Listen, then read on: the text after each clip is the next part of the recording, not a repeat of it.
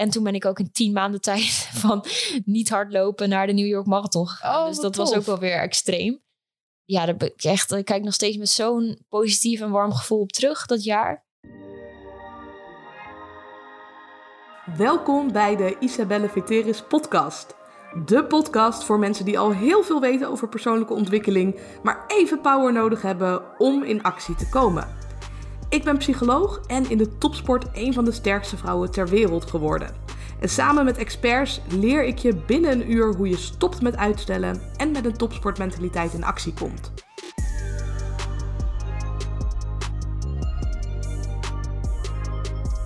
Nou, welkom. Ik zit hier met Suzanne. En voor de mensen die jou nog niet kennen, zou je in het kort iets meer over jezelf willen vertellen? Ja, ik ben eh Suzanne Brummel, 28 jaar. Ik ben geboren en getogen in Epe. Een klein plaatsje in eh, Gelderland. En daarna gaan studeren na mijn VWO eh, aan de Universiteit van Leiden. Oh, Master. leuk. Ja, superleuk. Eh vond ik dat toen niet hoor. ik was echt super jong nog, 18 weet je wel. Dan ga je het huis uit. Had ik eigenlijk helemaal geen zin in, maar ik wilde per se wel die studie doen. Dus dan nou, ga je toch. En master gedaan daarna in Amsterdam. En daar blijven wonen. En inmiddels woon ik in Almere. En ik ben eigenlijk van kinds af aan helemaal gek op sporten. Dat is echt mijn grootste passie. En eh, inmiddels heb ik daar ook deels mijn beroep van kunnen maken. Wat voor sporten deed je graag als kind? Als kind ben ik eigenlijk op doktersadvies. Ik had hele zwakke longen. Ik lag heel veel in het ziekenhuis als klein kindje. En om mijn longen zeg maar sterker te maken, moest ik een sport gaan doen. Echt in die eh, ja, endurance, zeg maar. Zwemmen was daar heel geschikt voor. Eh, schaatsen bijvoorbeeld ook, maar dat zat niet in de buurt. Dus ik ben op zwemmen gegaan. En ja, dat vond ik eigenlijk vanaf het begin af aan ook al heel leuk. En ik moest het twee, drie keer in de week doen om echt mijn longen sterker te trainen. En ja, als je het twee, drie keer in de week doet, dan krijg je daar op een gegeven moment ook eh, vriendinnetjes. En weet je wel, er is echt een soort van, net als op school, die kindjes zie je elke dag. Maar twee, drie keer in de week als kind best wel veel om eh, op de sportclub te zijn met andere kindjes. Dus eh, ja, het werd ook echt gewoon een soort van tweede thuis. Wat tof. Ja, Ja, en ik zou me ook heel goed voor kunnen stellen dat op het moment dat een dokter zo'n advies geeft, dat je het moet doen, dus dat je daar helemaal geen zin in hebt. precies. En- Ja. Maar wat gaaf dat je daar zo je passie dan in hebt Ja, maar mijn ouders hebben dat nooit op die manier van je moet dit. Of, het was meer van, nou, dit zou goed voor je zijn. Eh, we, gaan eens kijken als je het niet leuk vindt. Ik bedoel, het hoeft niet. We, hè, we hadden ook nog naar andere opties kunnen kijken. Maar ik vond het zwemmen eigenlijk heel leuk. Ook omdat niemand anders uit mijn klas deed dat. En dat vond ik eigenlijk ook wel cool. Weet je, alle meisjes gingen dan op gymnastiek. En jongens gingen om voetbal. En ik ging dan om zwemmen. Vond ik heel leuk. Nieuwe kindjes uit een andere plaats. Het zwembad zat zeg maar niet bij ons eh, in de plaats. EP heeft geen zwembad. Dus dat was denk ik ook een beetje. Dan kom je met eh, nou, kinderen uit een andere plaats. Nieuwe, nieuwe omgeving. Ja, ik vond dat heel stoer ook dat ik iets deed wat niemand anders deed.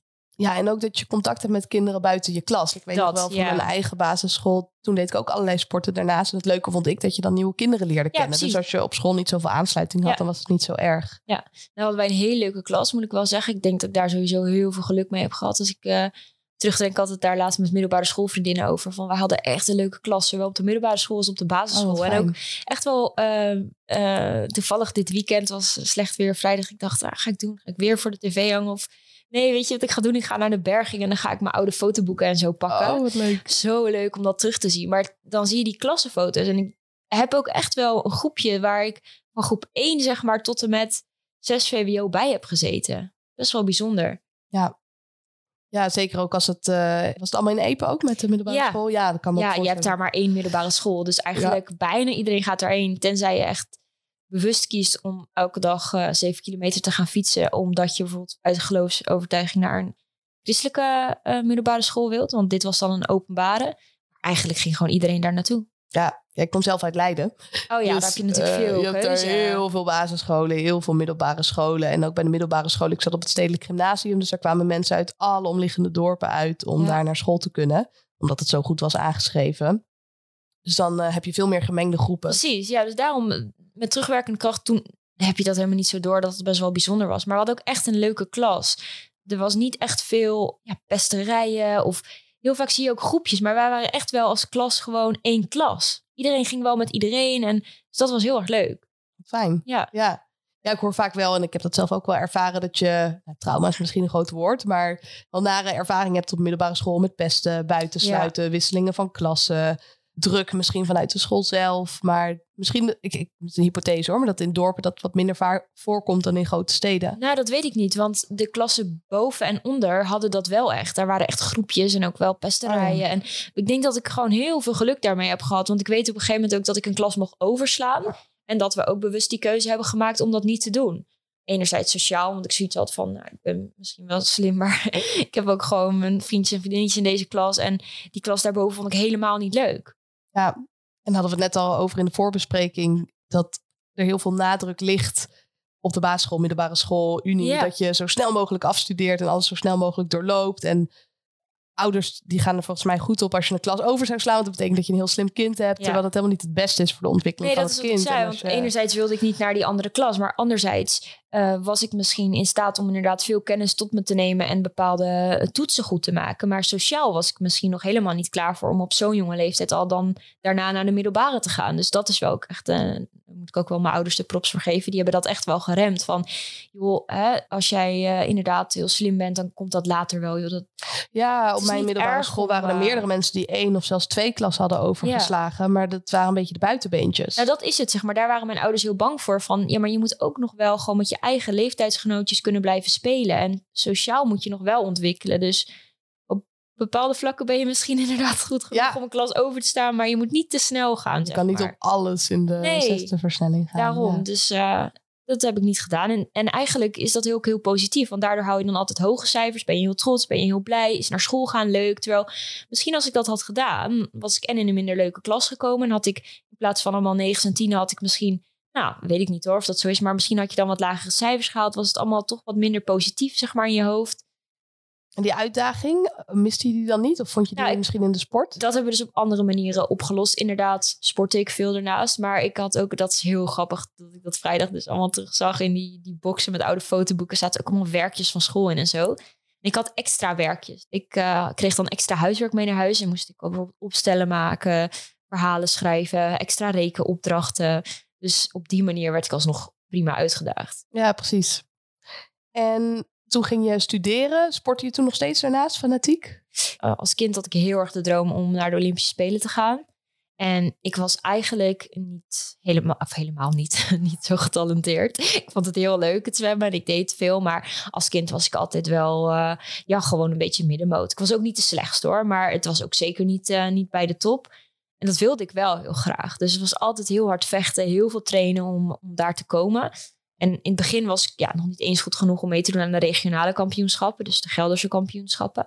Nou, langzaam, beetje bij beetje kwam dat wel. En mocht ik daar dan aan meedoen. Maar werd ik echt ergens laatste, weet je wel. En op een gegeven moment ging dat steeds beter. En pas, ik denk dat ik 12 of 13 was toen ik me voor het eerst kwalificeerde voor een NJK. Dus de Nederlandse jeugd juniorenkampioenschappen. Dus het heeft echt wel even geduurd. En in het begin werd ik daar ook gewoon echt eh, laatste. Je mocht je eigenlijk eh, als badvulling, zeg maar, in de eerste serie mocht je meedoen. Maar ik was, ik was daar toen super trots op. Want dat, Ja, je mag meedoen. ja, ik mocht meedoen. En dat had voor mij echt, nou ja, eh, ik was misschien heel jong, maar ik was daar wel heel serieus mee bezig. Toen was ik, denk aan het einde van de middelbare, had ik dus wel door van, oké, het gaat steeds beter, maar ik haal nog niet wat ik wil halen. Dus ik, ik heb heel erg die droom om echt die internationale top te halen. Nou, daar ben ik echt lang niet, zeg maar. Maar ik was op dat moment ook niet in staat om te relativeren en te kijken van, joh, maar waar kom je vandaan? En je, je doet het eigenlijk al best wel goed en je bent nog super jong. Maar op dat moment was ik zo onzeker en voelde ik me heel oud ook. Dacht, oh, maar joh, ik ben al, eh, ik ben al 18. Als ik er nu nog niet op die, eh, dat topniveau zit, dan ga ik het waarschijnlijk niet meer halen. Dus eigenlijk uit een soort onzekerheid ben ik toen gestopt. En er was ook, dat vind ik wel jammer, natuurlijk, hè, ik heb die keuze uiteindelijk gemaakt. Maar er was ook niemand in mijn omgeving die zei, joh, maar Suus, je doet het best leuk voor iemand van 18. En eh, destijds stond ik bijvoorbeeld in de A-finale op de Swim Cup. En eh zwom ik echt wel in de top 10 bij, eh, bij de NK's vaak. Ik heb ook wel tijdens NK's op het podium gestaan. Maar dat was allemaal in mijn hoofd niet goed genoeg. Ja. Weet je? Want dan was ik tweede of dan was ik derde. En in ieder geval was ik zo ver verwijderd van eh, of de eerste plek of die internationale top. Dat ik gewoon dusdanig onzeker was dat ik voor mezelf had bepaald van ja, maar dit gaat nooit meer wat worden joh. Je doet zo hard je best en eh, ja, eigenlijk, eh, eigenlijk kan je Toch niks. lukt het nog niet. Ja, en als ik dan terugkijk, denk ik wel van, oh, wat zonde. Want dus toen ben ik gestopt, toen ben ik gaan studeren. En tijdens het studeren miste ik het zwemmen zo erg dat ik wel weer ben begonnen. Maar eigenlijk, ja, bij een studentenzwemvereniging op een lager pitje. En ik ben toen wel stapje voor stapje weer, omdat ik die heel erg miste, steeds weer wat meer gaan zwemmen. Maar die onzekerheid bleef altijd wel. En ik dacht toen ook van ja, maar ik ben eruit geweest. En ik ben nu al twee of 23. Het gaat nooit meer lukken. Dat stemmetje bleef altijd wel in mijn achterhoofd. Dus toen ben ik uiteindelijk helemaal gestopt. Ja. En hoe heb je het uiteindelijk dan weer opgepakt, het sporten? Want nu doe je het weer fanatiek. Klopt. Ik ben eigenlijk, uh, nadat ik afgestudeerd was, had ik een beetje, of een beetje, ik had gewoon identiteitscrisis. Gewoon, ja, is dat identiteit? Misschien quarterlife crisis. Ik weet niet. Ik was afgestudeerd, alles nominaal gehaald, super snel. Dus ik had mijn studies gedaan, mijn master Ik was, denk 21 of 22 was ik klaar. Ja, en nu? ga ik dan fulltime werken, weet je wel, als ik 60 of 80 uur in de week. Want dat, dat had ik wel. Ik was wel heel ambitieus geweest in mijn studies en ik moest een zou cum laude universiteit halen. Dat was allemaal gelukt. En ik had er heel hard voor gewerkt, want ik moest het ook zelf betalen. Dus het was en studeren. Ik deed dan ook weer honors dus extra dingen erbij. En altijd wel, ook ondanks dat ik toen niet meer um, op superhoog niveau zwom, trainde ik nog steeds wel elke dag. Dus het was wel en, en, en. En toen was ik klaar met studeren en toen ja, viel ik echt in een soort van gat van oké, ik heb nu eigenlijk alles gehaald wat ik moest halen en dan ga ik nu werken. Ja, dat is het dan, zeg maar. En toen heb ik ervoor gekozen om een tussenjaar te nemen. Ik ben gaan werken bij de gemeente Amsterdam, bij een, een taalinstituut, waar zowel expats als vluchtelingen dan uh, komen om de Nederlandse taal te leren. En daarnaast ben ik begonnen met hardlopen. Eigenlijk echt zo'n uh, in januari goed ding voornemen. goed voornemen. Want ik was eruit, weet je wel. Ik was gestopt met zwemmen en ik sportte echt nog wel. Want het is en blijft, dat was altijd mijn passie. Maar ik, deed, ik had geen doel. Dus ik had een abonnementje genomen bij de sportschool. En ik had een abonnementje bij het zwembad. Ging ik één of twee keer in de week ging ik gewoon baantjes trekken tussen de ouderen, weet je wel. En dan ging ik naar de sportschool als ik daar zin in had, maar zonder doel. Dus ik deed eigenlijk maar wat. Hoe was dat voor jou? Want je hebt zo fanatiek gezwommen en dan ga je een beetje doelloos ga je bewegen. Precies. Nou, ik merkte wel dat, dat uh, hoe doelloos het ook klinkt, ik had dan toch wel weer ergens voor mezelf kleine doel, doeletjes. Dus dan ging ik naar de sportschool en dan um, ging ik wel echt uitzoeken van wat voor oefeningen kan ik dan doen die, hè, die mij sterker maken of beter maken. En dan ging ik wel bijvoorbeeld elke maand kijken. Dat ik echt zo'n notitieboekje waar ik dan in ging schrijven. Oh ja, deze week deed ik zoveel herhalingen, dit gewicht. En dan was ik wel gemotiveerd om die maand daarna meer gewicht te tillen en meer herhalingen te kunnen doen. Dus ik had geen doel, ik wilde geen wedstrijd doen of zo. Maar voor mezelf. Ik wilde wel beter worden. Ik wilde wel beter worden. En ik, ik merkte ook dat ik gespierder werd. En ik ging ook bijvoorbeeld met baantjes zwemmen. Dacht ik wel, ja, kom ik hier elke keer ging ik wel af en toe mijn tijd klokken. Weet je wel? En dacht ik, oeh, ik moet niet te ver terugzakken. Ik wil, uh, volgende week wil ik wel eigenlijk weer die tijd halen op die en die afstand. Dus uh, ondanks dat het geen wedstrijddoel was, had ik voor mezelf wel kleine targets, zeg maar, die ik ja, wilde halen. Dat herken ik ook toen ik... Uh, ik heb allerlei sporten op hoger niveau gedaan. En steeds als je dan nieuwe sport doet, ook al ben je nog niet de allerbeste. Maar dan mhm. ga je wel kijken van hoe kan ik steeds 1% beter worden. Precies. Hoe kan ik uh, bijvoorbeeld in rugby net een betere tackle maken? Hoe kan ik in het powerliften net wat meer kilo tillen? Of in het turnen een hogere oefening uh, ja, ja, uittesten. Dat is denk ik wel de aard van het beestje. Ja, ja precies. Sommige mensen... Zou jij nog voor de lol kunnen sporten zonder doelen? Ja, dat klinkt misschien heel tegenstrijdig, maar ik denk dat dus wel. Ja, en ik denk ook dat ik het nu zo lang in mijn leven heb gedaan op deze manier en nu nog steeds dus weer doe. Dat ik wel zoiets heb van als ik ooit zou stoppen tussen aanhalingstekens. Ik zou nooit namelijk helemaal stoppen met sporten, maar inderdaad weer stoppen zonder echt wedstrijddoelen. Denk ik wel dat ik dat kan. Omdat ik merk nu met een andere mindset in het leven sta. Vroeger was ik heel gefocust op ik moet dit halen met zwemmen en ik wil goed genoeg zijn. Ik keek ook heel van de anderen. En nu besef ik me wel steeds meer van ik doe het echt omdat ik het leuk vind en ik geniet ervan ik kan nu echt op woensdagmiddag of, of whatever op de fiets zitten en om me heen kijken en denken: Jeetje, wat fijn dat ik dit mag doen en kan doen en dat dit onderdeel is van mijn werk, zeg maar. Dus, en dan geniet ik er echt heel erg van. Dus ik denk dat ik dat later wel kan, maar ja. de tijd zal het leren. Maar ik, tuurlijk zal ik dan ook altijd wel weer tussendoeletjes stellen, maar zou daar niet uh, mezelf helemaal door laten leiden, zeg maar. Nee, die tussendoelen zorgen wel dat je jezelf uitdaagt. Ja. Ik doe nu ook geen wedstrijden meer, maar ik daag mezelf nog wel uit door te zeggen, nou, ik wil elke dag een uur wandelen. Of als ik ga trainen, dan ga ik alles eruit halen wat erin zit. Of ga ik net even een minuutje lang in een ijsbad zitten. Ik denk dat dat altijd zo blijft en dat dat de aard van het beestje is. Maar er is een verschil tussen, denk ik, jezelf op een leuke manier uitdagen en daar dingen, um, ja, dingen voor jezelf uithalen. Als ook echt je dag of je, je gevoel daardoor laten leiden. Dus als je bijvoorbeeld ja, een slechte of je training acties, hebt, ja, precies. je stopt met uh, de sport ja. omdat je vindt dat je niet goed genoeg ja, bent, wat je dat, laat noemen als voorbeeld. Ja, dat is wel echt inderdaad een, een voorbeeld, omdat echt puur onzekerheid en ik voel mezelf niet goed genoeg. Terwijl ik vind het zwemmen fantastisch. Ik was het plezier volledig kwijt, omdat ik zo gericht was op die prestaties. Dat heb ik echt weer moeten herontdekken en dat heeft dus jaren geduurd. Ja, en wat je zei, van, ik presteerde wel goed, maar dan stop je, waardoor je dus helemaal niet goed meer presteert, Precies. want je doet überhaupt niet meer mee. Ja, in 2019 ben ik toen, dus tijdens dat tussenjaar, 1 januari dacht ik, nou, ik ga weer, hè, het lijkt me leuk om weer voor een, een, doel te gaan. Ja, het zwemmen heb ik dan losgelaten, omdat ik merkte dat dat mentaal gewoon voor mij te heftig was. Zeker als ik weer zou beginnen, ja, dan hou je gewoon je tijden niet van vroeger. En dan werd het weer heel erg mentaal een struggle. Ja, dat is die standaard dus die je dan voor jezelf ja, hebt neergezet, hè? Dus ik moet echt iets anders gaan doen. En toen dacht ik, nou, wat is nou simpel? Uh, dat was natuurlijk tussenjaar. Ik had het niet heel breed. woonde nog steeds in Amsterdam, omdat ik daar mijn master had gedaan. Dus je hebt een hoge huur. Iets wat goedkoop is vooral, want ik had geen budget om echt op een sport te gaan.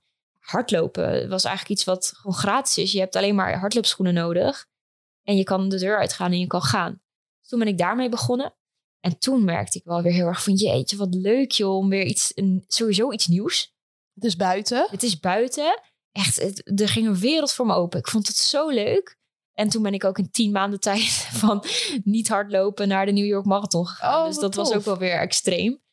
Ja, daar ben ik echt, ik kijk nog steeds met zo'n positief en warm gevoel op terug dat jaar.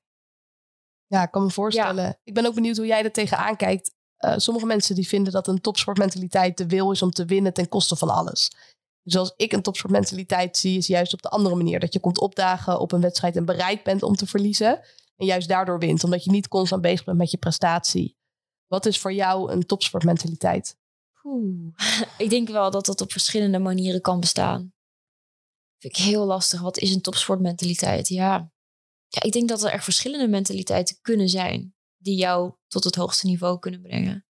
Ja, ik denk dat dat ook wel veel met discipline te maken heeft. Dat, dat uiteindelijk een topsporter iemand is. Kijk, er zijn heel veel mensen die iets heel graag willen en ook iets heel goed kunnen. En dan heb je natuurlijk nog talent. En ik denk dat het verschil vaak met topsporters erin zit dat je ook dingen doet die je af en toe niet wilt doen of die je niet zo leuk vindt en dan toch moet doen uit een, uit een soort van discipline. Ja, dat je offers maakt. Ja, dat je, of, dat je bereid bent om die offers te maken uh, met een bepaalde mindset. Dus um, het hoeft niet altijd leuk te zijn en je hoeft niet van elke training te genieten. Maar je hebt wel een soort van 70-30 regel van oké, okay, 70% van de tijd moet je er echt wel plezier uit halen, want waar ben je anders mee bezig? Maar je moet ook soms 30% van de tijd um, dingen doen die je niet zo leuk vindt. Ja, om daar te komen. oefeningen zijn niet ja. leuk, sommige trainingen Je moet jezelf ook aan de kant kunnen zetten. Je moet uh, inderdaad discipline hebben om bijvoorbeeld af en toe een feestje te skippen of om op tijd naar bed te gaan, om dingen, dingen te laten ook echt voor hetgeen wat je wilt bereiken. Ja. Ja, dus misschien is dat ja, ze zeggen vaak dat topsporters egoïstisch zijn. Maar ik vind topsporters daardoor juist niet egoïstisch. Want ze kiezen niet voor zichzelf. Ze kiezen niet voor dat feestje, maar ze kiezen voor de sportprestaties. Ja, ja en, en als het wel zo is, hè, als, ik snap ook dat mensen dat zeggen. En deels zie ik daar misschien wel een kern van waarheid in, hè, dat je egocentrisch bent. Maar is dat dan zo erg? Ja, zouden die mensen niet vaker voor zichzelf mogen kiezen? Snap die je? dat zeggen tegen. Ja, iedereen komt toch alleen en gaat uiteindelijk alleen. En, en wat jij hier op de aarde doet, en ik snap ook wel dat je een stukje hem moet meegeven. En dat is ook belangrijk aan, aan de aarde of aan mensen om je heen.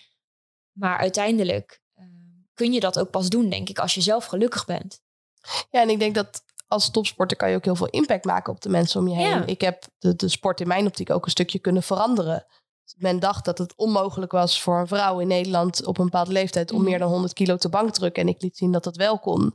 Of kijk naar een Johan Cruijff. Of eh, kijk naar Ronaldo. Of kijk naar een Max Verstappen. Die Zeker. laten echt wel hun stempel achter, denk ik. En niet alleen in de sportwereld, maar Ja, op de hele wereld. Daarbuiten, ja. Ja. Soms kun je ook pas zo'n stempel drukken als je inderdaad wat bereikt hebt. Maar afgezien van dat, ook al heb je dat bereikt niet, ehm, als dat is waar jij gelukkig van wordt, ja, waarom niet? Je bent er anderen ook. Kijk, op het moment dat je anderen daar niet mee tot last bent, ja, wat is dan, weet je wel, wat is dan het probleem dat je in die zin egocentrisch bent of egoïstisch bent? Kijk, op het moment dat je daar anderen echt tot last mee bent, of je bent in je vriendengroep iemand die. Ja, ik denk dat het bijvoorbeeld in een vriendengroep niet erg is om er af en toe niet te zijn. Maar de vraag is op welke momenten.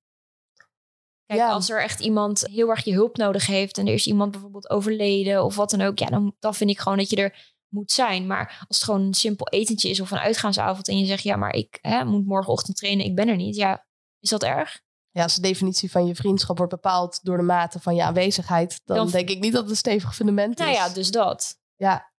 En aan de andere kant zou ik me ook heel goed kunnen voorstellen hoor, dat ook al is iemand overleden, maar je hebt gewoon je training, dat je alsnog kijkt van hoe kan ik daar een balans in vinden. Dus ja, kan ik aan de ene kant er wel voor iemand zijn, maar niet ten koste van mezelf. Want dan, hè, de worst case scenario, zit je daar te zijn voor die ander, maar in je hoofd ben je aan het trainen.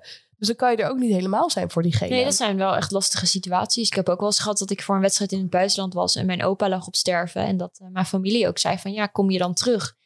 Ik dacht je, eetje, ja, eigenlijk uh, kan dat niet. Maar ja, ik wil ook niet, weet je wel, mijn ouders teleurstellen. Dat doe je toch weer voor die anderen, hè? Ja, vond ik wel heel lastig. Uiteindelijk heb ik heel erg de geluk gehad dat hij het nog wat langer heeft volgehouden in het ziekenhuis. En dat hij pas is overleden toen ik thuis kwam. Maar het had ook anders kunnen uitpakken. En dan was ik er dus niet geweest, weet je wel. Omdat ik die keuze uiteindelijk had gemaakt om in Spanje te blijven. Ja, ja terwijl je er ook niks aan kan doen. Het is niet alsof je hem kan stoppen met overlijden. Nee. Het, ja. Nee, en op dat moment, kijk, als je dan teruggaat in zo'n situatie, dan ga je ook niet voor de persoon die sterft. Nee, want hij had dat toch niet meer meegekregen. Dan ga je inderdaad voor je ouders en voor, voor de mensen daaromheen. En ja, dat, dat, en hetzelfde is, we hebben, we hebben dat uh, afgelopen jaar gehad. Ja, weet je, ik, ik trainde voor het wereldkampioenschap uh, aquathlon. En daar trainde ik op dat moment anderhalf jaar naartoe. En door corona werd elke keer die datum veranderd en uitgesteld. Het zou eerst in Australië zijn. Nou, die hadden nog steeds een heel streng COVID-beleid. Dus het werd naar Europa gehaald, maar de datum was nog onzeker. Mijn broertje ging trouwen in die zomer. Ja, sowieso wil ik natuurlijk bij de bruiloft van mijn broertje zijn. Maar ik had wel, ja, ik dacht, oh nee, als het maar niet, als het maar niet, weet je wel, samenvalt. En toen kwam er dus ergens een keer zo'n um, uh, timeframe van het gaat waarschijnlijk tussen die en die periode zijn. Dacht ik, oh, dat was precies die bruiloft viel daarin. En ik, oh, shit, shit, shit, wat moet ik doen? Ja, je traint er anderhalf jaar toe, weet je wel. Mijn hele leven draait in die zin om de sport. Maar ja, zo'n bruiloft is ook maar één keer. Dan sta je echt voor, ja, ik vind dat echt ja, duivelse dilemma's. En uh, eigenlijk heel eerlijk, als ik diep in mijn hart kijk, had ik gekozen om naar het WK te gaan. En dat heb ik ook uitgesproken. Ik heb gezegd van jongens, echt heel vervelend. Het kan zo zijn dat. En dan ga ik die keuze maken. Ja, daar heb ik ook echt wel uh, heb ik te horen gekregen thuis. Ja. Ja, wel goed dat je er in ieder geval eerlijk het, over bent. Ja, ik, ja, ik snap het ook heel goed. Ik snap het andersom heel goed. En zeker voor mensen die zelf niet in aan uh, sport doen of die daar niet in thuis zijn, ook niet op die manier mee bezig zijn, snap ik 100% dat ze dit afkeuren en denken van, ah, dat vind ik echt asociaal en dat kan je echt niet maken. En ik denk dat we wel breder kunnen trekken, dat er altijd mensen zullen zijn die jouw keuzes niet begrijpen. Dus stel dat een ondernemer dit luistert die zijn werk super belangrijk mm vindt, daar extra uren voor maakt. Of als je op een bepaalde manier eet. En dat is zo belangrijk dat je misschien een bord terug naar de keuken stuurt. omdat er dierlijke producten in zitten. Ik noem maar ja, wat. Of dat je niet meegaat met je vrienden op het eten. Ja, omdat precies. ze niet vegan serveren in een restaurant. Ja, zoiets. Dus er zijn heel veel dilemma's, denk ik, in het leven. waarbij je dus moet kiezen tussen uh, misschien je eigen kernwaarden. of binnen die kernwaarden ook weer moet kiezen. Daartussen van wat is belangrijker, familie of sport. En ik denk dat het belangrijkste daarin is dat het bespreekbaar is. Dus dat je zegt van hé, hey, deze keuze ga ik maken. En dat van allebei de kanten gezegd kan worden hoe vervelend het is. En je hoeft het niet te fixen. Nee, precies. Ja, misschien achteraf gezien had ik het niet moeten uitspreken. Omdat uiteindelijk kwam het allemaal goed en werd het, uh, het WK gehouden. Een halve week, was het voor of na de bruiloft? Nou, in ieder geval je daarna. En ben ik dus gewoon naar de bruiloft, uh, heb ik gewoon kunnen gaan. Wat echt fantastisch was. En een hele mooie dag had ik ook echt niet willen missen. Ja. Maar ik had me niet... Uh, zo, dat was wel heftig als het anders was geweest. Ja, snap ik. Maar het was ook denk ik gek geweest als je het dan uh, de week van tevoren had verteld. Van, oh ja, de week, dat valt samen. Nou, dus... dat was het. Ik zat er meer zo van, ik kan het toch ook niet maken om dan, als het bekend wordt gemaakt. Want er werd best wel last minute nog bekend gemaakt wanneer, wanneer het nou gehouden zou worden. En ik dacht, ja, dat is toch ook helemaal niet netjes als je dan inderdaad, nou, een week is overdreven, maar ik denk misschien twee maanden van tevoren of zo zegt van, joh, uh, ik ben er niet bij. Ja. Ik had meer zoiets van, ik bereid ze vast voor op het idee dat het eventueel zo zou kunnen zijn. Ja, dat je in ieder geval in gesprek blijft met elkaar. Ja, dat, was het. Maar kijk, nu had je natuurlijk wel, nu weet iedereen van, oh ja, maar als het zo was geweest, had zij die keuze gemaakt. Terwijl als ik het niet had gezegd, dan had, dan had niemand ooit geweten dat ik die keuze had gemaakt anders. Ja, maar het laat denk ik ook wel weer zien hoe belangrijk het voor je is. Ja, dus precies. Maar dat weten mensen. Dat weten ze ook. Zeker in mijn familie. Dat is nooit anders geweest. Ik heb letterlijk vroeger uh, mijn eigen verjaardagen niet willen vieren omdat ik een bepaalde wedstrijd had. Of uh, super vaak niet op verjaardagen en familiegelegenheden geweest vanwege de sport. Ja, En op een gegeven moment ben je er ook naast gaan ondernemen. Hoe combineerde je dat? Nou, dat heb ik inderdaad een aantal jaar gedaan. Wel, ik moet wel zeggen, hoe combineerde je dat? Ja, niet op een goede manier. Want ik wilde echt alle balletjes hoog houden. En trainen en werken. En ook daarin had ik voor mezelf de uitdaging om gewoon ja, volwassen te zijn. En, en zelfvoorzienend in de zin van ik wil mijn eigen huur kunnen betalen. Maar ook wil ik gewoon geen zorgen hebben. Dus had wel daarin een soort, ja, is dat streberig? Weet ik niet per se, maar ik wilde wel altijd meer, zeg maar meer verdienen. Terwijl ook op, op het moment dat ik al gewoon mijn huur kon betalen en mijn boodschappen en het prima had, zeg maar, had ik nog steeds de drang om het beter te doen. Dus is dat misschien ook dat stukje de aard van het beestje, net zoals dat je die doelen zoekt in de sport, dat je dat ook in het ondernemen. Ik herken het namelijk heel erg. Dan verdien je al superveel en dan toch denk je, oké, afgelopen maand heb ik zoveel verdiend. Kijk of ik nog een paar duizend euro meer kan verdienen. Ja, nou, het was niet dat ik superveel verdiende, maar het was wel gewoon genoeg, ja, zeg ja, maar. En, vind ik dan vaak al veel, hè? Als je meer dan je rekeningen kan betalen. Ja, dat was het. Ik hield wel gewoon wat over. En ik zou op vakantie kunnen, maar dat deed ik dus niet. Want ja, als ik op vakantie ging, dan ging dat van mijn eigen tijd af om te kunnen werken. Dus het, het draaide wel echt door als in ik moet meer verdienen en ik moet uh, meer omzet draaien en het beter doen. En uiteindelijk heeft me dat ook wel ja, ik, eh, een burn-out opgeleverd. Ik, vind ik hou nooit van die stempel, maar ik was wel echt overwerkt. Werkte denk ik wel uh, eh, 60 uur of zo in de week. Want je, dan ging ik overdag ging ik dan trainen en werken. Maar dan ging ik s'avonds ook nog werken. En dan gaf ik nog zwemles in de avonduren. Dus dan uh, ging ik om, uh, ja, s ochtends vroeg stond ik op. Dan ging ik sporten. Nou, dan ging ik thuiswerken achter mijn laptop. En dan ging ik smiddags van drie tot uh, tien stond ik in het zwembad om nog les te geven. Dan was ik om elf s'avonds een keertje thuis. En dat ging dan dag in dag uit. En weekenden deed ik ook niet aan. Dus ik was ook nooit, ja, nooit vrij eigenlijk. Je had nooit een dag dat je even tot rust kon komen.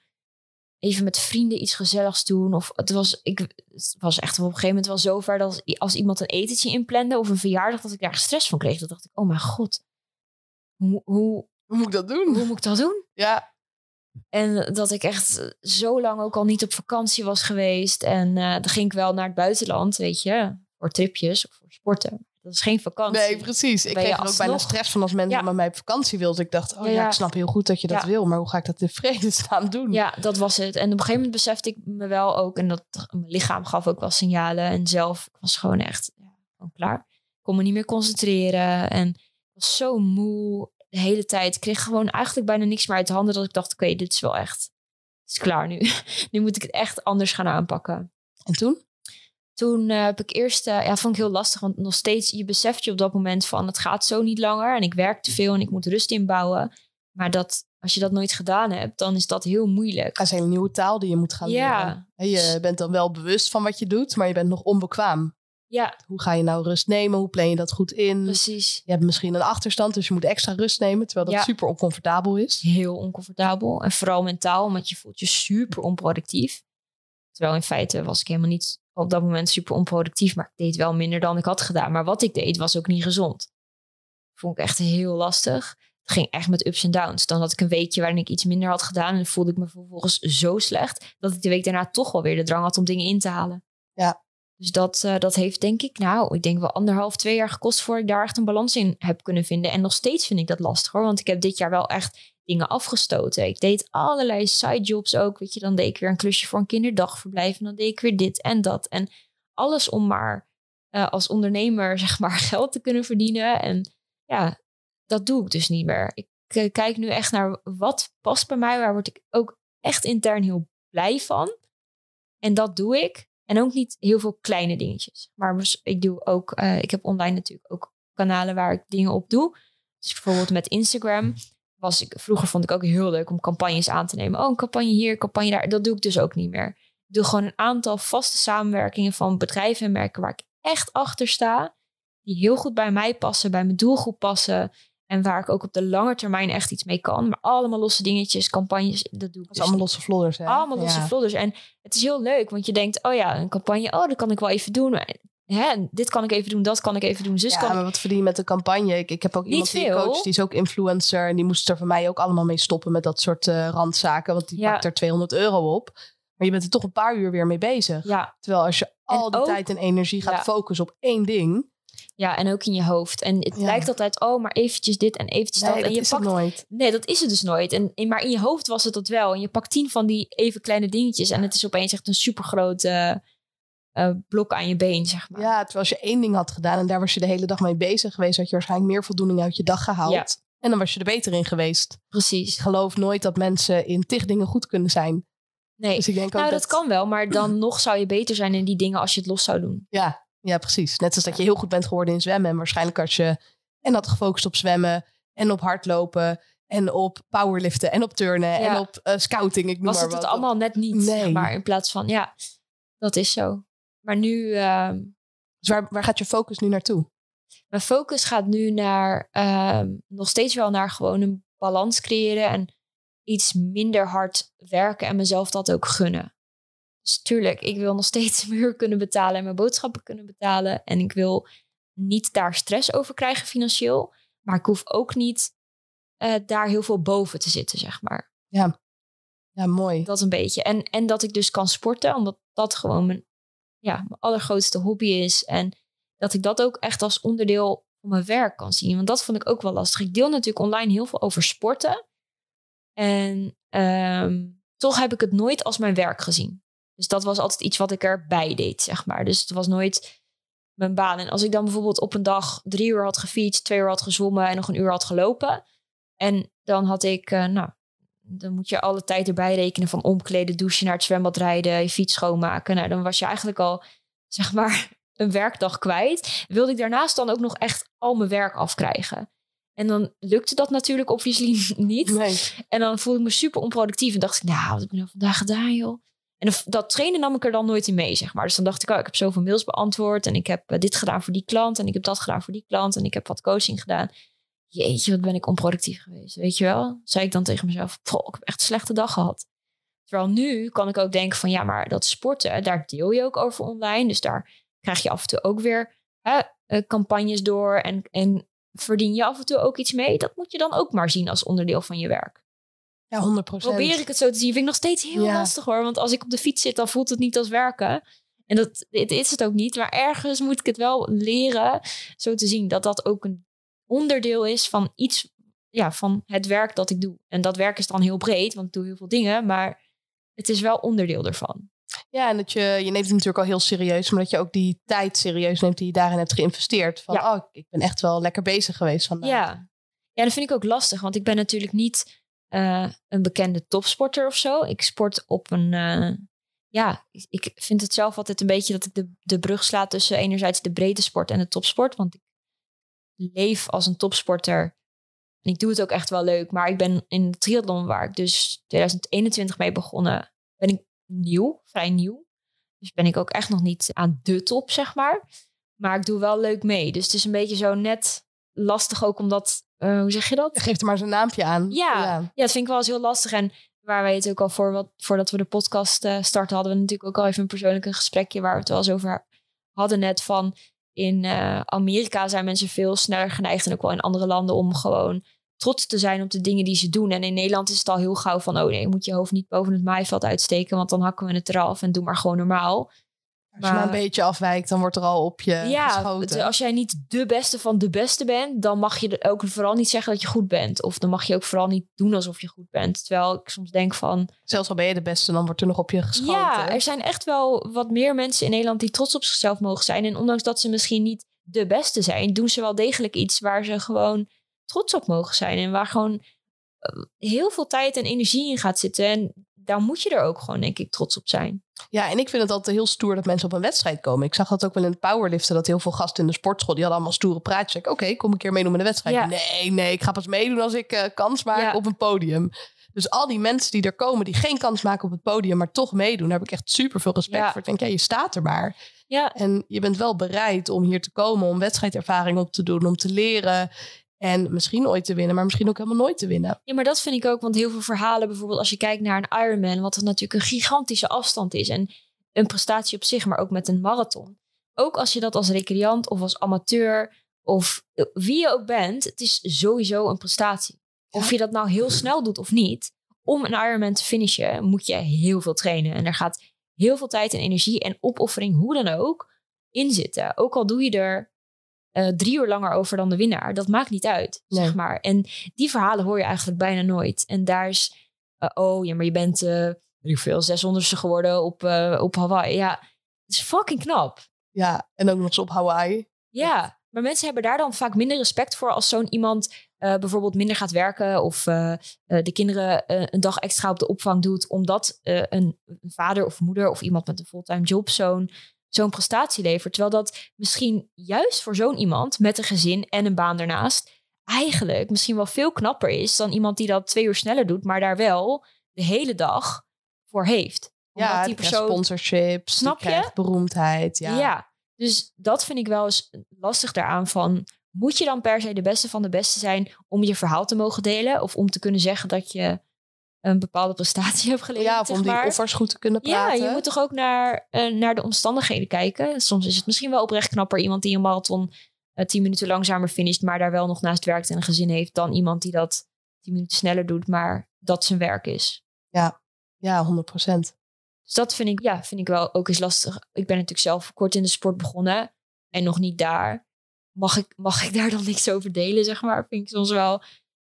Ja, dat is denk ik ook weer de verhalen die je zelf vertelt. Ja, nou meer van, ik voel me soms delen? schuldig omdat ik, of schuldig, ik voel me soms ongemakkelijk met bepaalde dingen. Dat ik bijvoorbeeld een bepaalde sponsor binnenhaal en dan draag ik dat. Of dan kom ik inderdaad in een gesponsorde auto kom ik aan en dan zie ik andere atleten echt een beetje zo kijken van wow, eh, hoezo heeft zij dat? Weet je wel? Terwijl ik, ik word dan weer instant onzeker van ja, ja, jullie zijn eigenlijk wel beter. Hoezo heb ik dat dan en jullie niet? Weet je wel? Ja. Terwijl ik heb er echt hard voor gewerkt. Ja, exact. Eh, en misschien ben ik inderdaad niet zo snel, maar ik heb wel jarenlang geïnvesteerd in mijn kanalen. En ik, je hebt eh, andere skills. ik doe andere dingen daarnaast, zeg maar. Ja, en in de zwemwereld is dat wat anders. Ik heb ook hier een coaching sessie gedaan met formule racers. Ja. Een van de jongens zit nu in de Formule 2. Ga ik ook nog een keer mee podcasten. En naast de sport was het voor hen ook echt nog een ding om die sponsorships te regelen. Want als je dat niet deed, het is zo'n dure sport, Ja. dan... Nou, in de triathlon is dat ook hoor. Ja, dus het gaat niet alleen maar om je sportskills, maar ook om je ondernemerskills Ja, daarin. Van kun jij mensen zo ver krijgen Ja. om jou te gaan supporten? ja, en ook ben je daar zelf actief genoeg in? Als in, ik voel me soms schuldig van dat ik bepaalde dingen heb. Terwijl je kan ook denken, zij hadden dat ook kunnen hebben, maar ze doen er niks aan. Of ze wachten het af. Het is niet zo in deze maatschappij dat sponsoren en partners naar jou toe gaan komen. Nee, ja, heel niet. soms gebeurt dat. Het lijkt en dat zo, is heel fijn. maar- Maar... meestal moet je gewoon zelf je sales doen. En moet je zelf lijntjes uitgooien en je netwerk aanspreken. En Het kost ook veel tijd om die relaties te bouwen. Juist, Om ja. te En ik wil echt niet zeggen dat dat heel hard werken is, maar eh, er komt wel veel meer bij kijken dan men vaak denkt. Ja. Het lijkt allemaal heel makkelijk en oh ja, maar je doet dit en je hebt een sponsor en je doet even dit op Instagram. Of, maar er komt echt veel meer bij kijken dan, dan mensen vaak denken. En hoe heb jij je following opgebouwd? Dus veel luisteraars van deze podcast die zijn ondernemer of die willen misschien gaan ondernemen.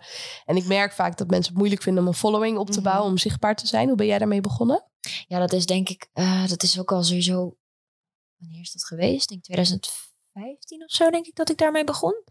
Dus dat heeft jaren geduurd ook voordat het is tot wat het nu is. Het is Toen niet, bestond eh, Instagram net, denk ik. Nou, het Of- bestond al wel even, maar het was nog niet. Het, het woord influencer be- bestond in ieder geval nog niet. En dat je daarvan kon leven of dat, er, dat je daar geld mee kon verdienen, was op dat moment ook nog niet echt zo. In Amerika waren er geloof ik wel al een aantal en het begon net een beetje zo op te komen, zeg maar. Dus ik denk in die zin dat ik ook wel een beetje geluk heb gehad met de tijd. Maar ik denk ook dat het nu nog steeds heel goed kan. Oh, 100% En ja, kijk, ook al was je toen groot geworden, dan kunnen mensen je alsnog nu ontvolgen. Dus je weet wel de volgers aan je te binden. Want Ja, hoeveel, je en hebt zo'n houden. 50, 60.000 volgers. Eh, ja, zoiets. Volgens mij 54.000, zoiets uit mijn hoofd. Ik weet het niet. Ja. Echt erg. Ja, iets eh, inderdaad, 50.000 nog iets. Zoiets. Ja, wat zijn denk je de grootste pijlers die een kanaal wel of niet succesvol maken op Instagram? Ja, gewoon de meeste cliché, denk ik. Je moet gewoon jezelf zijn. Je moet iets unieks hebben. Je moet niet denken van, dit is populair, dus ik ga dat ook doen. Ik ga dat nadoen. Of, oh, dit doet het goed online. Nee. Wat maakt jou, of maakt, wat maakt jouw bedrijf? Want dat is het vaak, hè? Je hoeft niet jezelf Nee, je hoeft niet alles te laten Je zien. hoeft echt niet alles te zien. Mijn kanalen zijn ook niet privé. Ik deel niks privé. Ik deel eigenlijk alleen maar over eh, wat ik zakelijk wil bijdragen en wat ik, ehm, wat ik wil delen. Dus dat is misschien maar 2% van je leven eigenlijk. Eh, bij mij is dat sport. Maar als jij eh, het heel leuk vindt om taarten te bakken, dan is dat wat je denk ik moet laten zien. En vooral hetgene wat jou daarin uniek maakt. En ik denk dat je niet eens, tuurlijk, ja, je moet nadenken over een, een businessstrategie. Maar als je dicht bij jezelf blijft, denk dat dat misschien nog wel veel belangrijker is. Ja. Want mensen willen, weet je, er zijn, al, er zijn genoeg profielen die al daar zijn. Dus je hoeft niet iets na te doen. Je moet iets, ja, iets unieks vinden in jezelf. En daar waar jij energie van krijgt, wat je echt ook leuk vindt om met anderen te delen. Ik denk dat dat heel belangrijk is. En uiteindelijk moet je mensen ook iets kunnen geven. Als jij alleen maar laat zien wat jij elke dag doet, denk dat dat ook wel een beetje saai is. Maar je moet mensen dan iets, of iets wat inspireert, of iets dat motiveert, of iets dat, uh, dat mensen kan leren bijvoorbeeld. Kan ook entertainment zijn. Dan geef je mensen humor. Iets waar ze om kunnen lachen elke dag. Sommigen combineren dat ook weer humor met lessen. Ja, zeker. Ja. Ik weet niet of jij Tisha Boy J kent. Ja. Maar die doet dat ook op die manier dat hij lessen deelt in combinatie met humor. Of een beetje het, uh, op het nieuws schiet. Precies. En ik denk ook een belangrijke tip, die noem je niet letterlijk, maar is die consistentie. Want je bent al sinds 2015 bezig. En focus op één ding. Dus je deelt niet alles van je leven, maar je vertelt voornamelijk over het sport. Sport, sport is echt, uh, ja, dat is waar mijn profiel over gaat. Ja. En van daaruit, omdat je denk ik ook al groot bereik hebt, gaat het wel makkelijker om sponsorships te krijgen. wil niet zeggen dat het helemaal makkelijk is, maar ze kunnen wel nee, even, het is je online visitekaartje ja. wat je hebt. Hoe pak je dat soort dingen aan? Sponsorships regelen? Um, nou, voorheen uh, pakte ik eigenlijk uh, wel veel aan wat ook aan aanvragen binnenkwam. En wat ik zei, heel veel losse campagnes en dingen. Oh, dit is leuk, dat is leuk. En in het begin was ik ook heel dankbaar, want ik ben uh, nou, opgegroeid in Epe. En ik wil echt niet zeggen dat ik een moeilijke jeugd heb gehad, maar we hadden het niet breed thuis. Weet je, het was wel echt altijd op de kleintjes letten en kleren van vriendinnetjes krijgen die ouder waren, niet, zelf nieuwe kleren kopen. En uh, als wij bijvoorbeeld chips hadden vroeger, was dat heel bijzonder. Weet je? Het was niet dat wij elke week alles konden kopen bij de supermarkt. Ja, het is gewoon wel vanaf jongs af aan heel bewust van, van wat iets kostte en geld. En mijn ouders konden ook echt heel boos worden. nu is dat wel weer relevant, omdat de energieprijzen hoog werden. Maar wij werden vroeger wel echt gedrild om lampen uit, deuren dicht. En heel erg wel op de kleintjes. En daardoor was ik in het begin ook heel erg van alles aannemen. Als ik dan iets door mijn profiel zeg maar gratis kon krijgen, al was het een topje bijvoorbeeld, wat misschien in de winkel 20 euro kost en kostprijs voor het bedrijf misschien maar 5 euro is, was ik daar zo blij en dankbaar mee dat ik dacht, oh ja, ik wil, ik wil dat wel. En nam ik alles aan. En nu gaat dat heel anders. Nu ben, kijk ik echt naar, oké, wat, hè, wat wil ik met mijn bedrijf? Welke richting wil ik op? Wat past bij mij? Maar ook wat past bij mijn doelgroep? En hoe kan ik dat dan op een manier combineren dat ik met een aantal partners die daar echt goed bij passen, een boodschap ook kan, kan vertellen en kan uitdragen. Ja, dus je bent er veel meer naar gaan kijken als een bedrijf in plaats van 100%, dat je je money mindset gebruikt. Ja. ja, want ik krijg echt ook wel eens aanvragen binnen die ik zelf als privépersoon heel leuk vind. Waarvan ik denk, ja, moet ik dit nou op mijn ja, mijn zakelijk visitekaartje gaan delen. En dat, dat doe ik dan niet. Maar ook omdat ik er dan op dat moment bijvoorbeeld heel veel aan heb. Maar mijn volgers hebben daar eigenlijk niet zoveel aan. dan andersom. Ik, ik, heb ook wel eens opdracht dat ik denk... Oh, het is op zich wel oké. Het is niet fantastisch. Maar zakelijk gezien is dit mega interessant. Of ik kan heel veel impact maken of whatever. Dit doe ik. Of andersom inderdaad dat ik privé denk... Oh, super interessant. Maar zakelijk gezien slaat het compleet nergens op. Nou, misschien doe ik dat dan maar dan eerder op privé... en deel ik daar helemaal niks over. Of ik wijs het af. Mhm, ja. Ja, en sowieso wat ik altijd doe is eerst dingen testen. Het ja, klinkt misschien heel logisch, maar ik wil echt achter iets staan voordat ik het deel en voordat ik het promote. Dus als een bedrijf komt met een aanvraag, dan wil ik ook echt eerst weten wat ik daar oprecht van vind. En pas als ik daar oprecht achter sta, dan pas praten we verder over eventueel een partnership of samenwerking. Ja, supergoed. Ja. Ik uh, heb hetzelfde. Uh, maar ik zie vaak dat influencers dingen promoten waarvan ik denk van volgens mij gebruik je dit product niet eens. Ja de fit uh, dat heeft er niet voor gezorgd dat een uh, Chloe Kardashian zo'n lichaam heeft gekregen. of ja, wat ze nog meer uh, proberen te vertellen. Dus ik denk dat die integriteit, dat is bij mij echt mijn nummer één kernwaarde. Maar dat is niet vanzelfsprekend dat influencers dat standaard doen. Nee. En ik denk dat het, als ik kijk vanuit mijn eigen bedrijf, ik heb ook al samengewerkt met influencers. Ik werk niet met een influencer samen als ze al zeggen: Ik ga je boek bijvoorbeeld niet lezen. Ik ga er een mooi videootje mee maken. En dan zeg ik dat ze het moeten kopen. Maar ik ben helemaal niet gepassioneerd over. Ja, dan ga ik hem niet eens opsturen. Nee. Nee, dus dat, dat is wel. Ja, daarom zei ik ook van. Het klinkt misschien als een open deur, maar het, het is nee, voor iedereen. Is niet zo. Nee. En, en heb ik ook inderdaad echt wel eens dingen gewoon uh, afgewezen waar ik heel veel geld mee kon verdienen. ja, waar ik gewoon zelf niet tevreden over was. En dat, dat zijn soms wel echt uh, in je hoofd dan dilemma's. Want je denkt, ik hoef alleen maar eigenlijk ja te zeggen. Ja, ik hoef maar een klein dingetje te doen. en dan... Ja, nou ja, uh, en dan kan ik er heel veel geld mee verdienen. Maar ja, is ook wel een beetje je ziel verkopen dan. En ik denk op de korte termijn is dat hè, makkelijk geld verdienen. Maar op de lange termijn denk ik ook wel dat uh, mensen je daardoorheen gaan prikken. Ja, op lange termijn ga je er meer geld mee verliezen, denk dat ik. Dat denk ik dus ook. En daarom doe ik het dan niet. Ik vind het heel lastig. En dan zie ik drie weken later zie ik dan bij iemand anders dat wel terug, die dat wel heeft aangenomen. En dan weet ik dus eigenlijk wat voor prijskaartje daar aan hing. En dan snap ik het. En dan denk ik dus bij mezelf, ja, dat had ik ook kunnen hebben. Maar ik heb het niet gedaan. Ja. vind ik soms nog wel eens lastig. Maar dan, als dat dan weer achter de rug is, ben ik achteraf altijd blij met die keuze. Ik heb nog nooit echt spijt gehad. Nee, ik moet mezelf altijd aan kunnen kijken in de spiegel. Ja, dat vind ik het belangrijkste. Heel belangrijk, ja. En dat ik s'avonds in mijn bed lig en op mijn kussen lig en dan nou ja, een goed gevoel heb over mezelf. Ja, maar ook als bijvoorbeeld... Ik ben denk ik twee jaar geleden uh, in zee gegaan met Hoka. Hardloopschoenen. Daar heb ik ook eerst denk ik ja, een paar maanden wel verschillende modellen geprobeerd. Was ik echt heel tevreden over. En dacht ik, nou, dat vind ik superleuk. Ik, ik loop heel fijn op deze schoenen. Ik wil uh, met dit merk wil ik een partnership aangaan. Nou, nog steeds heel blij mee. Maar je wilt niet weten hoeveel vragen en hoeveel DM's daarop binnenkomen. En hoe fijn het is als je daar gewoon eerlijk en oprecht antwoord op kan geven. Dan dat mensen vragen, ja, wat vind je eigenlijk van die? Maar stel je voor, je vindt het helemaal niet fijn. Dat je eigenlijk dag in dag uit aan het liegen bent of aan het verzwijgen bent of iets aan het verkopen bent waar je niet achter staat. Het is niet alleen die post hè, die je plaatst of die video of het het is ook al die vragen die je erover krijgt. Dat... Ja, of die verantwoordelijkheid die je wel draagt dat mensen het gaan bestellen omdat je dat aanraadt. Ja, mensen kopen het en dan dus is het bijvoorbeeld helemaal niet goed. Het is wel ja, jouw ja, of soms nog extremer. Je hebt natuurlijk met die influencers en de crypto dat ze een munt promoten die ja, ja gewoon shitcoin mensen is. gewoon echt in de, in de schulden komen, letterlijk. Precies. En wil je dat, die verantwoordelijkheid dragen? Dit is natuurlijk een heel extreem voorbeeld. Ja, dat maar echt je integriteit moet kloppen. En je moet een stukje onderzoek hebben gedaan. Of bereid zijn om onderzoek te doen. En het echt kunnen aanraden. Of openbaar erover kunnen spreken. Van nee, deze keuzes heb ik gemaakt. Ik sta er nog steeds achter. Of was een stomme fout en dan geef ik het ook toe. Maar ja, 100 procent. Ja. Heb ik wel één keer gedaan ook. Ik heb ook één keer inderdaad online ook eh, toegegeven dat ik een keer, en dat is al heel lang geleden, dus echt nog in de beginfase, dat ik inderdaad alles aannam wat ik leuk vond. Waarvan ik dacht, oh leuk, zij willen met mij werken. En toen kreeg ik inderdaad een keer een aanvraag van uh, Coca-Cola. Dat is natuurlijk een super grote partij. Dus ik was helemaal trots dat zij met mij wilden werken. Ja, dat past natuurlijk voor geen meter. Nou ja, of weet ik niet. Ene... dat verkeerd? Nou, ik denk dat het, het had wel kunnen passen. Omdat uh, ik vind ook dat je moet laten zien dat het leven als een sporter ba over balans gaat. Weet je, je kan niet alleen maar uh, gezond zijn. Dus ik vind ook wel dat je af en toe mag laten zien dat je pizza eet, friet eet en af en toe een colaatje drinkt. Maar waar het in deze campagne misging, is dat ik dan de. Ze wilden heel graag dat ik de zero eh, variant ging promoten. En hoe ik daar zelf eigenlijk over denk, is. Ja, is niet per se heel veel gezonder dan. Weet je? normale variant. Het is anders. Er zitten zoetstoffen in en daar kan je ook weer een hele discussie over voeren. Maar ik, eh, waar, het over, waar het over ging, is dat ik er eigenlijk niet op die manier zelf in stond en dat wel op die manier moest promoten.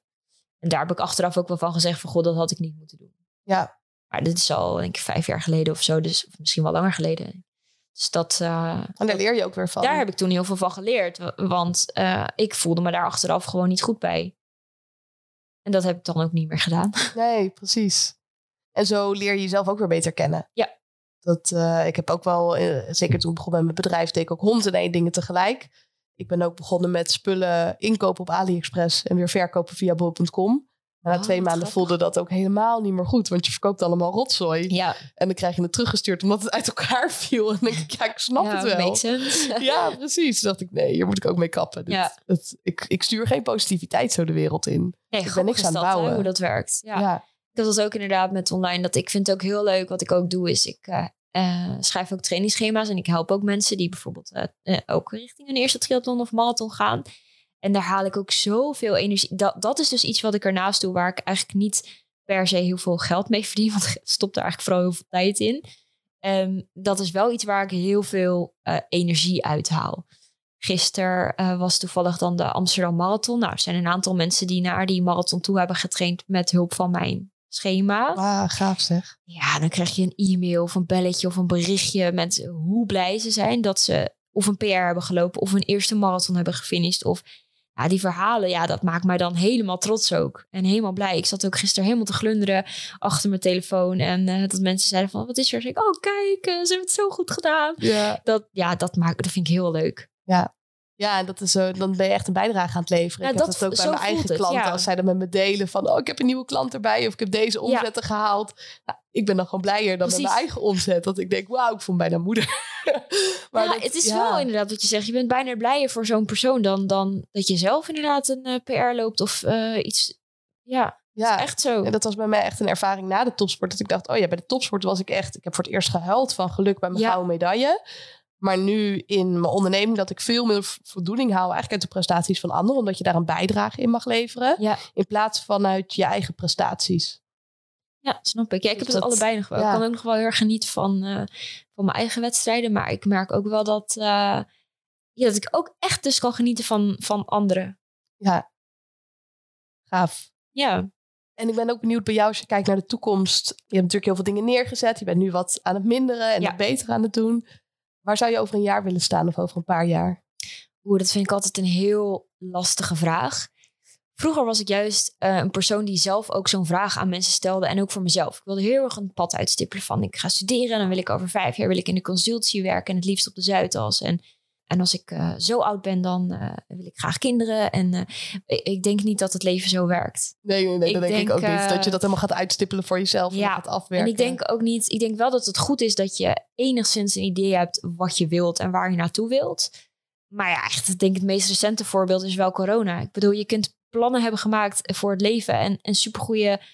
eh, vijf, je kunt een supergoed vijfjarenplan hebben gehad, maar wie had bedacht dat dat zou komen? En weet je wel, de hele wereld op zijn gat ligt. En dan kan jij nog zo goed je best doen, maar het gaat misschien niet lukken vanwege externe omstandigheden. En dat soort dingen is natuurlijk, is natuurlijk een heel extreem voorbeeld. Maar je, kan geblesseerd raken, je kan ziek worden. Er kunnen zoveel dingen gebeuren die je uiteindelijk goed in het eten g- gooien. ja, of ik- erger ja, nog, je gaat maar je plannen aanhouden, maar het maakt je helemaal niet gelukkig. Dat En dan kan ook. Dus sta dat, je ja. daar op dat punt en dan denk je, oh, Nou, dat is wel een beetje wat er vroeger natuurlijk is gebeurd bij mij. In de zin van, eh, sport is natuurlijk altijd mijn grote ja, hobby geweest en mijn grote passie. Maar ik dacht, nou, de- dat is niet voor mij weggelegd. Ik ben daar helemaal niet goed genoeg voor en kan daar uiteindelijk niet mijn werk van maken. Dus ik ga maar gewoon zo hard mogelijk mijn best doen op school. En dan ga ik dit doen, want dat is dan voor plaatje, bij wijze van spreken, is dat, is dat goed, weet je wel? Ja. En dat was het plan. En daar heb ik, heb ik, toen ik begon met studeren, was dat het plan. En ben ik met oogkleppen door eigenlijk die hele studie gedaan. En, en dan ben je inderdaad op een gegeven moment klaar. En dan denk je, oké, nou, ik heb het gehaald. En nu? Nu ben ik helemaal niet gelukkig. Ja, ja, je bent vergeten in te checken bij jezelf van, Precies. loop ik nog wel op mijn pad? Ja, dus ik vind ben ik dat zelf überhaupt wel leuk? eh, fan van doelen stellen.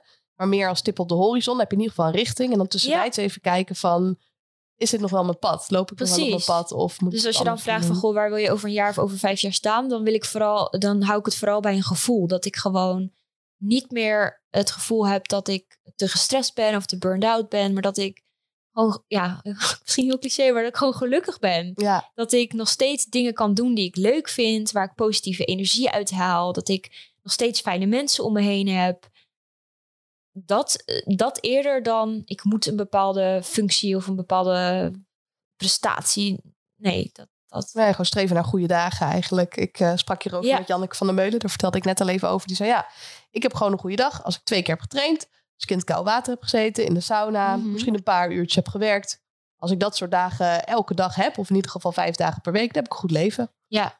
Nou, dat vind ik dus ook heel mooi, die insteek. Ik moet wel zeggen, dat zou ik heel graag willen. Dat streef ik heel erg naar, maar vind ik nog wel heel moeilijk. Ja, Ja, ik vind het nog steeds wel moeilijk als ik dus inderdaad een dag eh, heb getraind en wat dingetjes heb gedaan voor werk, om dan s'avonds ja, trots op mezelf te zijn. Of ja, echt niet elke dag trots op mezelf te zijn, maar om gewoon überhaupt satisfied te zijn. Of ik voel me wel heel vaak nog onproductief. Dus nog steeds wel een proces van het is oké.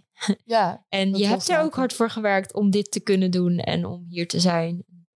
Ja, om dat dan te accepteren en daar ook van te kunnen genieten, vind ik nog steeds heel moeilijk. Ja. Dus ik hoop dat ik dat over een jaar of over mag ook een doel jaar... zijn, toch? Ja, ik Van hoop dat, ik dat dan beter echt- gaat worden in het Ja. genieten. Ja, en ook in het accepteren dus van dingen. Ja.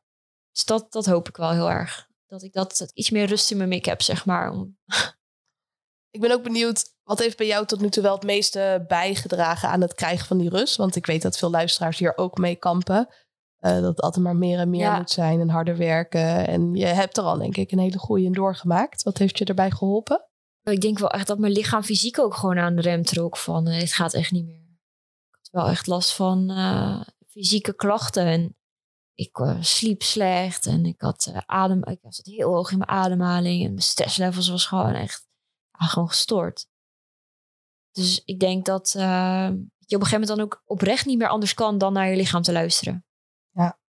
Ben je minder gaan trainen ook? Of dat niet? Ja, ja in die periode zeker. Ja, ja ik kon er niet meer opbrengen. Maar als je slag niet, als niet slaapt, dan kan je ook niet uh, overdag doen nee, wat je normaal doet. Dus het is ook een soort negatieve spiraal naar onder. Want in het begin wil je dat natuurlijk volhouden.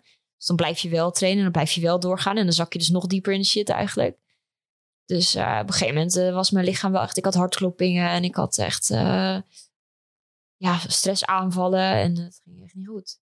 Ja, dus het heeft je geholpen om meer naar je lichaam te gaan luisteren in ieder geval. Ja, en ook wel mensen om me heen er veel over te praten. Ja.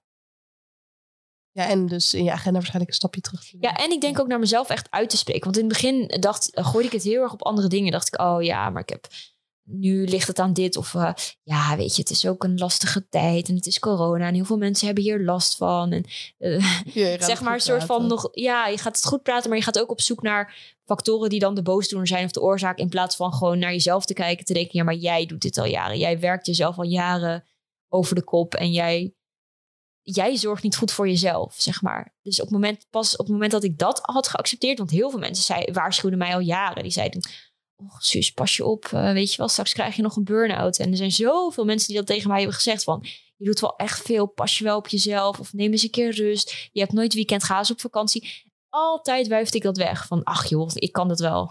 het gaat goed zo, weet je wel. het ging ook heel lang goed, maar op een gegeven moment ging het echt, het, was niet, uh, natuurlijk sluimerde het, maar je, je wuift het voor jezelf weg en op een gegeven moment ben je veel te diep gezakt. Dus had je veel eerder moeten stoppen op het moment dat je dat accepteert voor jezelf en echt tegen mezelf had gezegd van, oké, je hebt een probleem. je bent te ver gegaan. Je moet echt rust nemen in plaats van andere factoren de schuld geven. Dat, ik denk dat dat misschien wel het belangrijkste is. Ja, en voor de luisteraars die nu in zo'nzelfde situatie zitten, wat voor tips zou je hen daarin kunnen geven? Ja, dus wel echt voor jezelf accepteren. Ja. Dus wees je bewust van wat er gaande is.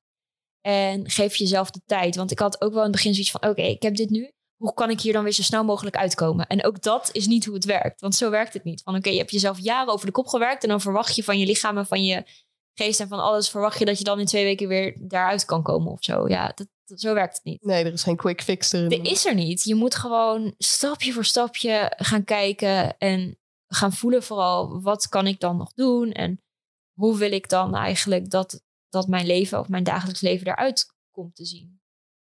Ja, ja en ehm, ik ben nooit van die stempel geweest. Dus ik was ja, eigenlijk gewoon super burned out. Maar ik ben nooit naar een, een dokter geweest. Of naar, ik heb daar nooit die stempel op gedrukt en een soort van traject gaan. Ik heb het echt zelf gedaan. Maar ik ben ook wel gewoon blijven werken, alleen minder. Ja, ik geloof zelf, namelijk, ik heb nooit een burn-out gehad. Uh, zal er ongetwijfeld tegenaan hebben gezeten in het begin van mijn onderneming. Maar ik zie ook dat mensen die burn-out zijn en helemaal stoppen met werk, dat dat ze heel onrustig kan maken. Want dan mis je de hele dus. structuur in je dagen. je mis je, purpose, je missie.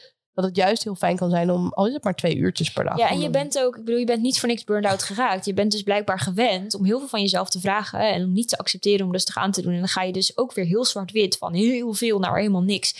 En ik geloof daar dus niet in. En dat triggert ook al die patronen van, oh, ik ben niet goed genoeg. Dat ja, en je lichaam gaat ook, je moet niet ook, het is ook oprecht wel een fysieke reactie, want je cortisol levels zijn super hoog. En dan ga je opeens heel zwart-wit, ga je dat 180 graden draaien. En ik geloof ook niet dat dat goed is. Net nee, als... Alsof je ineens zou stoppen met sport. Nou, dat. Dus net als je gewend bent inderdaad om 20 uur in de week te trainen. En je gaat opeens helemaal niet trainen. Ja, dat vindt je hart ook echt niet leuk. Nee. En je, lichaam ook niet. niet. Nee. Dus ik denk daarin ook met een burn-out. Uh, maar voel vooral, hè, als jij wel de behoefte hebt om helemaal met alles te stoppen prima, moet je dat doen. Maar je hoeft niet aan regeltjes te houden van, oh, online staat dit of mijn dokter zegt dat. Nee, jij bent jij en jij bent uniek en luister naar je eigen lichaam en voel waar jij behoefte aan hebt. En dan kan het zo zijn dat je inderdaad uh, in een bepaalde week nog steeds de behoefte hebt om te doen wat je normaal altijd deed.